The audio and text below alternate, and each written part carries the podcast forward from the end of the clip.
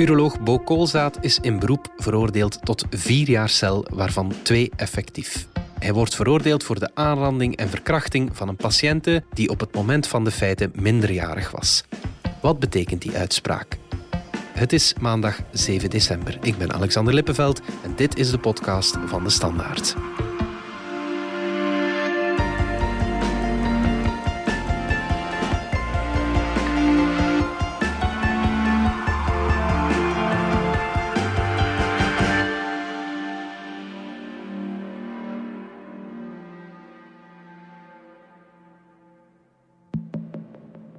Nou, ik wou sowieso al uh, dokter worden. En tijdens mijn uh, studies ben ik heel snel begonnen met onderzoek... Uh, in verband met de nieren en de blaas en zo. Dus mijn, mijn destijds hebben mij uitgenodigd om urologie te gaan doen... omdat dat een, een vak in volle ontwikkeling was. U herkent vast de stem van Bo Koolzaad, uroloog... tot enkele jaren geleden een graag geziene gast in veel praatprogramma's. Hij trad erop als soort van liefdesdokter, een kenner van de mannelijke seksualiteit. Of in mijn terminologie dan het penseel van de liefde. En bestsellerschrijver met zijn penseel der liefde.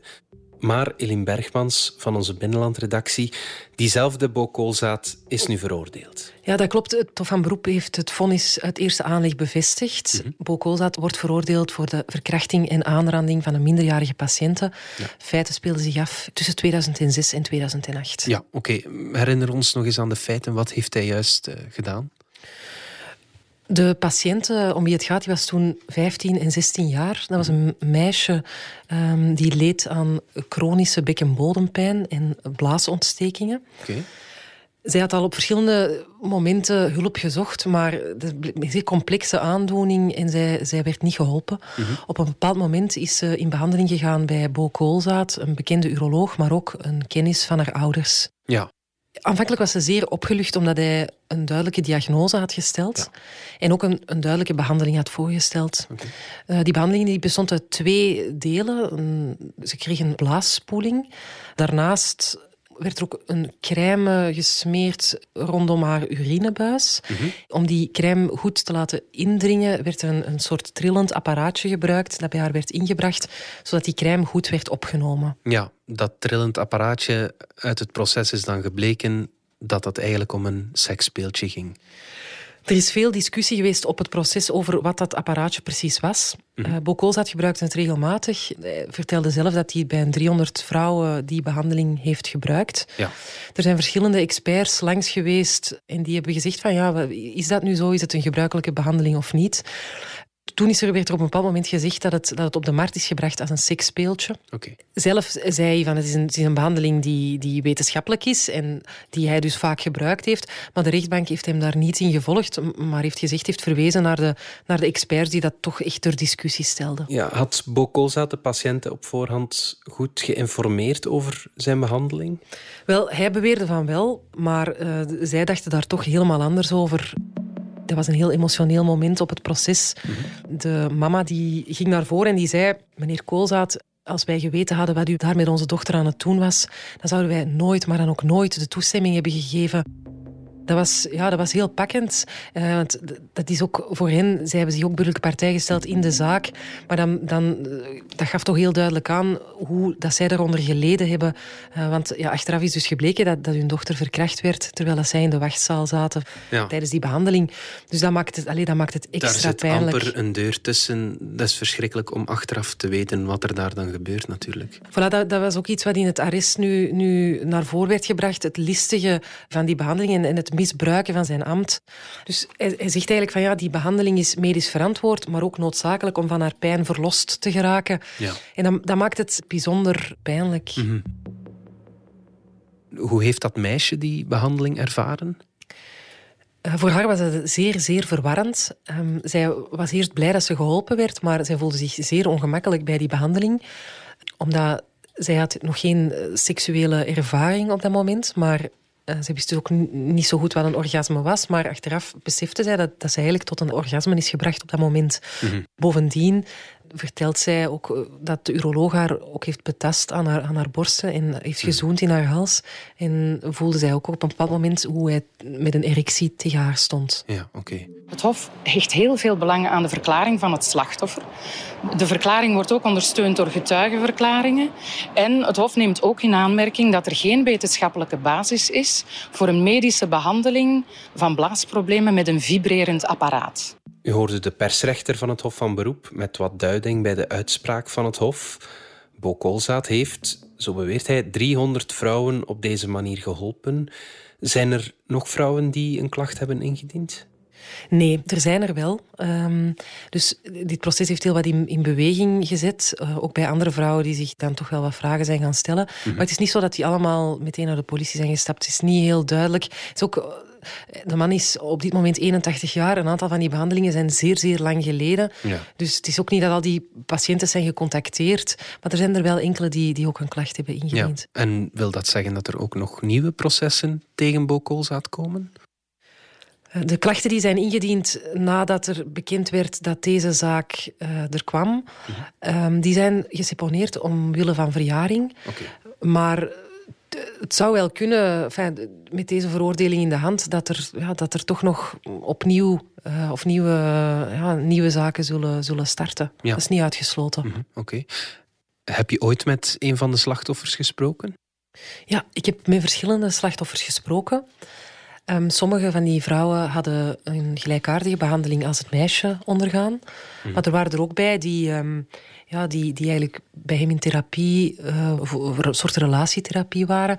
En die, die heel andere klachten hadden over hem, maar die dan gingen over dat hij hen had proberen kussen um, of, of omhelzen, betasten tijdens zo'n consultaties. Niet al die klachten zijn om dezelfde behandeling als waarvoor nee, nee, nee, nee. Het, gaat, het, gaat wel, het gaat wel breder. Ja, ja. ja, Die vrouwen die zijn naar de politie gestapt of naar het gerecht gestapt uh, om het meisje te steunen, omdat ze eigenlijk ook jarenlang uh, ja, daarmee zijn blijven zitten en gedacht hebben van ja, net als een meisje van zullen we dit aankaarten, maar toch ja, zich niet sterk genoeg voelden tegen die bekende machtige dokter. Ja. Um, en dan zeiden ze nu van ja, oké, okay, als dit jonge meisje dat doet, gaan wij haar steunen en dan, dan uh, zullen wij ook misschien dan onze klacht haar kan helpen. Ja, oké. Okay.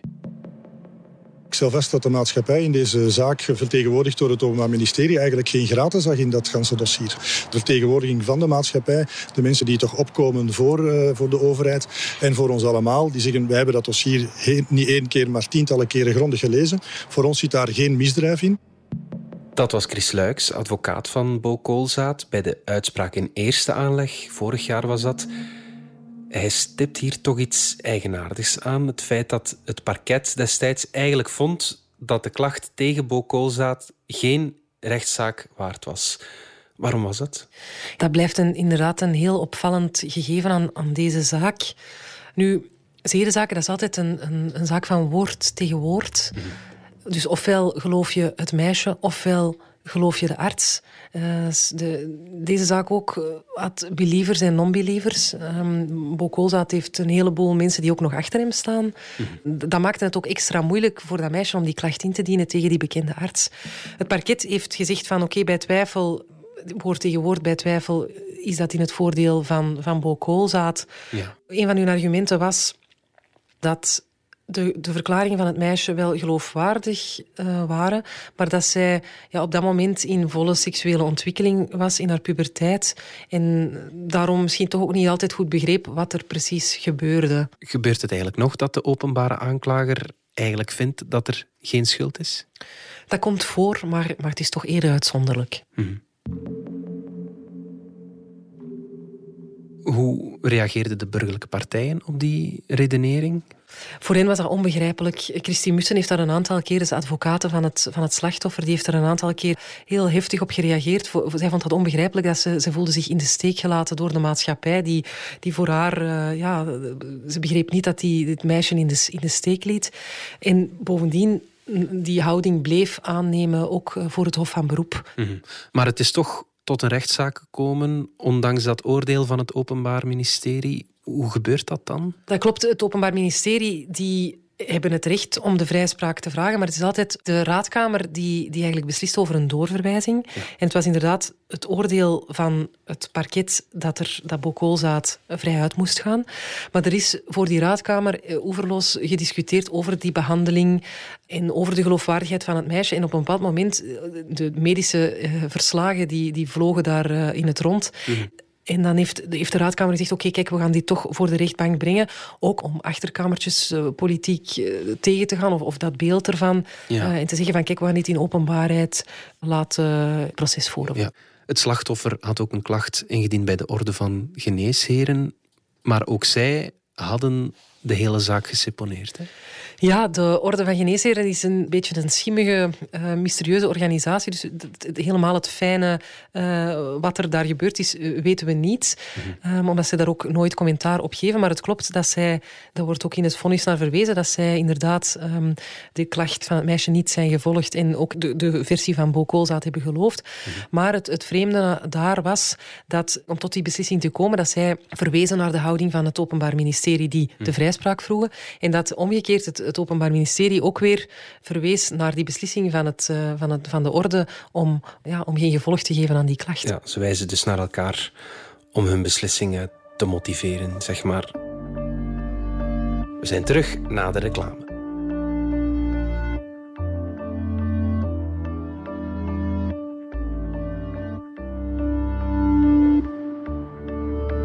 Een standaard training voor een groep van mensen, dat werkt niet meer. Mensen verwachten een op maat aanpak. Dat is een serieuze uitdaging, hè, want dat is niet altijd gemakkelijk om daaraan te voldoen. En alles beweegt. Een podcast waarin Vlaamse CEO's en prominente HR-managers vertellen hoe ze hun onderneming en werknemers in beweging houden. Beluister de reeks op jouw favoriete podcast-app. VDHB en alles beweegt.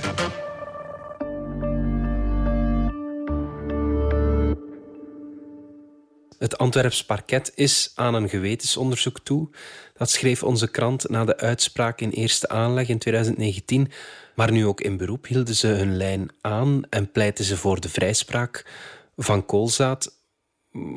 Waarom, waarom zijn ze niet gekeerd? Op zich hebben zij van in het begin de versie van meneer Koolzaad geloofd. En dan is het in dat opzicht dat het een beetje raar geweest dat ze halverwege de procedure hadden gezegd van kijk, ja nee, we geloven hem niet meer en we geloven nu toch het meisje. Mm bovendien is het ook, het is natuurlijk altijd het recht van het Openbaar Ministerie om, om de, de versie van de, van de beklaagde te geloven. Het is dan aan de rechter om uit te maken uh, wat de juridische waarheid is. En uh, meneer Koolzaad is daar dan ook nog tegen in beroep gegaan, maar het Hof heeft opnieuw toch, uh, toch duidelijk de versie van het meisje geloofd. Onze krant schreef ook bij die eerste veroordeling de MeToo-beweging verzet bakens. Is dit eigenlijk een MeToo-verhaal? Um, ik, ja, ik begrijp de vraag, omdat het uh, natuurlijk gaat over een, een, meisje tegenover een heel bekende arts. Mm Een beetje David tegen Goliath. Ja. Verhaal in dat opzicht wel, maar anderzijds uh, heeft zij in 2015 al een klacht ingediend. Dat was eigenlijk voordat die MeToo-beweging er was. Mm -hmm. uh, dus in, in dat opzicht dan weer niet. Maar toen de zaak aan het licht kwam, is er wel een hele beweging op gang gekomen en hebben er heel veel vrouwen ook een klacht ingediend. En uh, zijn zij ook naar buiten gekomen met hun verhaal over koolzaad. Dus op dat vlak dan weer wel. Mm -hmm. Hoe reageert het slachtoffer nu na de uitspraak? Ze heeft er altijd voor gekozen om uit beeld te blijven. Ze, ze was wel altijd aanwezig op de zitting. Voor haar was dat heel emotioneel heel zwaar. Zij werd door Bokolzat ook afgeschilderd en door de advocaten als een hysterisch meisje. Mhm. Op een bepaald moment heeft zij haar studies stopgezet en dan werd er gesuggereerd door de verdediging dat zij enkel met die klacht is gekomen om, om die stopzetting van die studies te rechtvaardigen. Mhm. Als zij het woord nam, dan kwam zij heel geloofwaardig en heel rustig en stabiel over. Maar dat moet wel heel zwaar voor haar geweest zijn. Ze heeft wel veel steun gehad van, van haar familie en haar vrienden ook, die ook op het proces aanwezig waren om, om haar bij te staan. Mhm.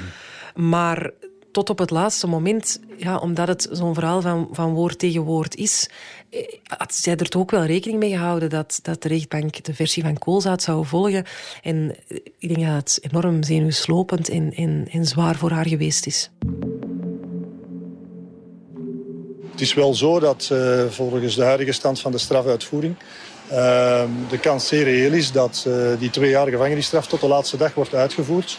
Omdat het gaat over een misdrijf op een minderjarige en het gaat over een seksueel misdrijf. Dus met andere woorden, de strafuitvoering komt daar veel erger aan. Iemand die een gewapende overval pleegt en twee jaar gevangenisstraf ziet, of krijgt, die ziet de binnenkant van de gevangenis niet.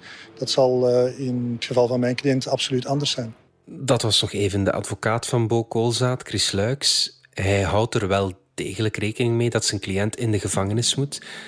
Eline, zie jij Bo Koolzaad echt in de gevangenis draaien? Die kans is groot. Hij heeft vier jaar, uh, waarvan de helft met uitstel, gekregen. Maar omdat het hier gaat over een, een zedenzaak op een minderjarig slachtoffer, kan hij geen aanspraak maken op een enkelband, of toch niet automatisch. Het is nu zo, het, het, parket is eigenlijk bevoegd voor de strafuitvoering. Dus een beetje afwachten. Uh, allicht zal de, zal de advocaat van Bokol er alles aan doen om, om hem uit de gevangenis te houden. Mm. heeft, man is ook in, in uh, zijn gezondheid is niet zo goed.